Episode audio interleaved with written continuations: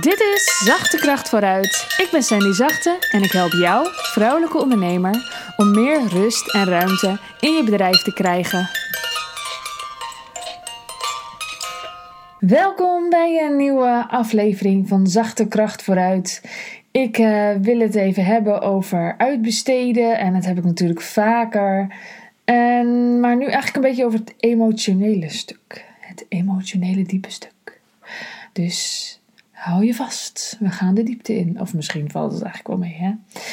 Het kan ongemakkelijk voelen om uit te besteden. Het kan spannend voelen. Het kan eng voelen. Maar het kan vooral uh, ja, je een beetje ongemakkelijk naar jezelf laten voelen.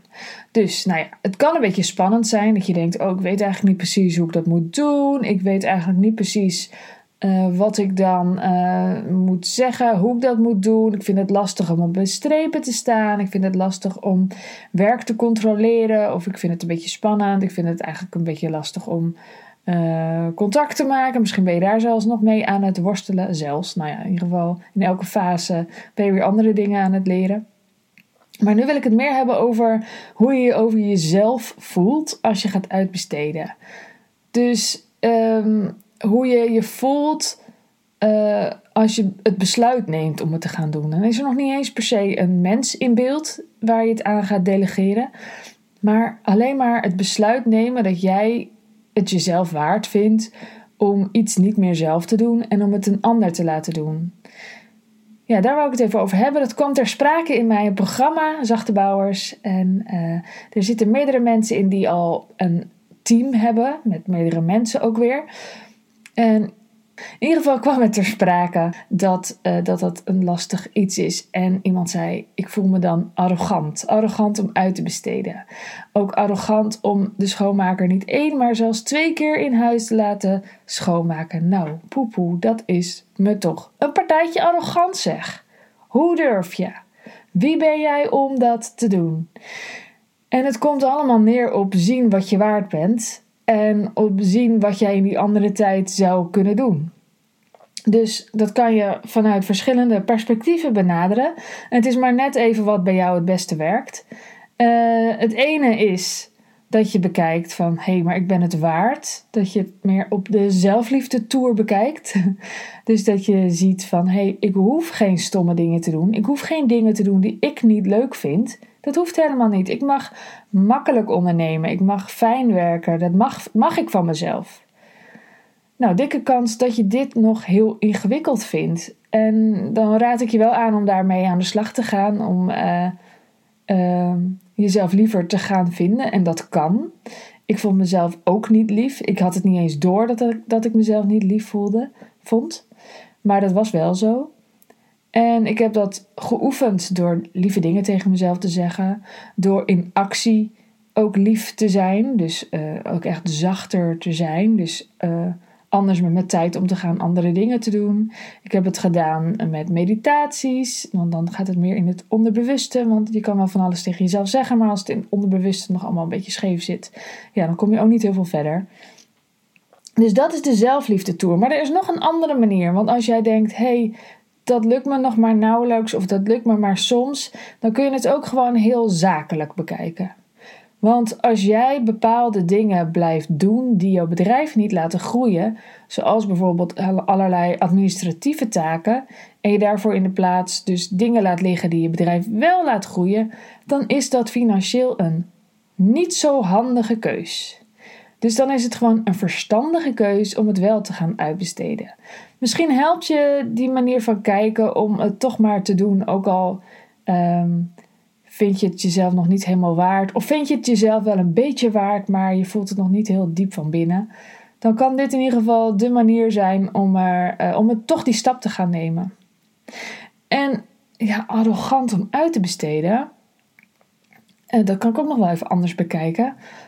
Want wat jij stomme klusjes vindt, dat vinden andere mensen misschien helemaal geen stomme klusjes. We zijn allemaal anders, dus we zitten verschillend in elkaar. We vinden andere dingen fijn om te doen. De een vindt het leuk om zijn bedrijf te laten groeien en om financiële uh, keuzes te maken en spannende dingen te doen.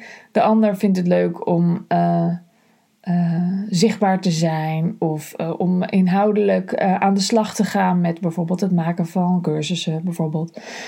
Um, en zo zijn er ook mensen die het heel prettig vinden om herhalend werk te doen en dingen af te kunnen vinken en het overzichtelijk te hebben en niet te veel risico's te nemen. Er zit gewoon verschil in. Dus hoe moeilijker jij doet met het overdragen aan andere mensen, dat is onbewust zonder woorden een beetje. Uh, je geeft een beetje mee dat het een stom klusje is.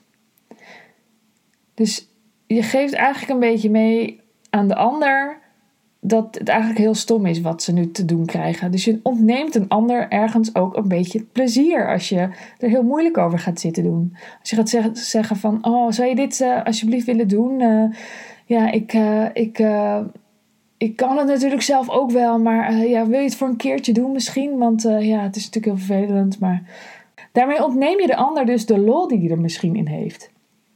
Dat is een beetje zonde. En als jij dus niet gaat uitbesteden, als jij maar steeds het uitstelt, dan zijn er ondertussen mensen die aan het wachten zijn tot je dat gaat doen. Of het nou je team is die, die wacht op meer verantwoordelijkheden, of dat er mensen die wachten op je opdracht, of dat er mensen zijn die geen werk van jou krijgen, die dat misschien heel graag hadden willen doen, die gewoon wachten op werk. Dus hoe je het ook went of keert, het is een verstandige keuze om werk uit te besteden. Het is niet arrogant om dat te doen. Het zou eerder nog, zou je kunnen zeggen, het is bijna arrogant om te denken dat jij de enige bent die dit kan doen, of die dit alleen goed kan doen, of dat het werk zo stom is dat natuurlijk niemand het wil doen, dus dat jij het daarom maar doet. Het is een beetje aanmatigend. Nou, ik uh, hoop dat ik je een beetje anders daarnaar heb laten kijken.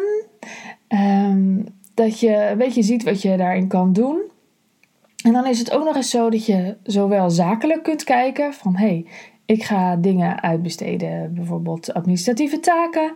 Of dat je kijkt, hé, hey, thuis moet er ook best wel veel gebeuren. En in die tijd had ik ofwel uh, met mijn kinderen kunnen spelen, ofwel aan iets uh, voor de groei van mijn bedrijf kunnen werken, ofwel gewoon even tot rust kunnen komen, waardoor er weer nieuwe, frisse ideeën komen.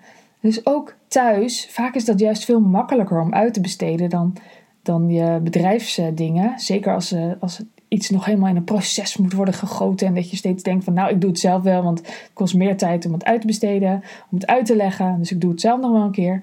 Vaak zijn klusjes thuis veel makkelijker om uit te besteden. Maar daar voelen we ons al helemaal arrogant over. Ik weet zelf ook, ik heb er jaren over gedaan voordat ik een schoonmaker durfde te vragen.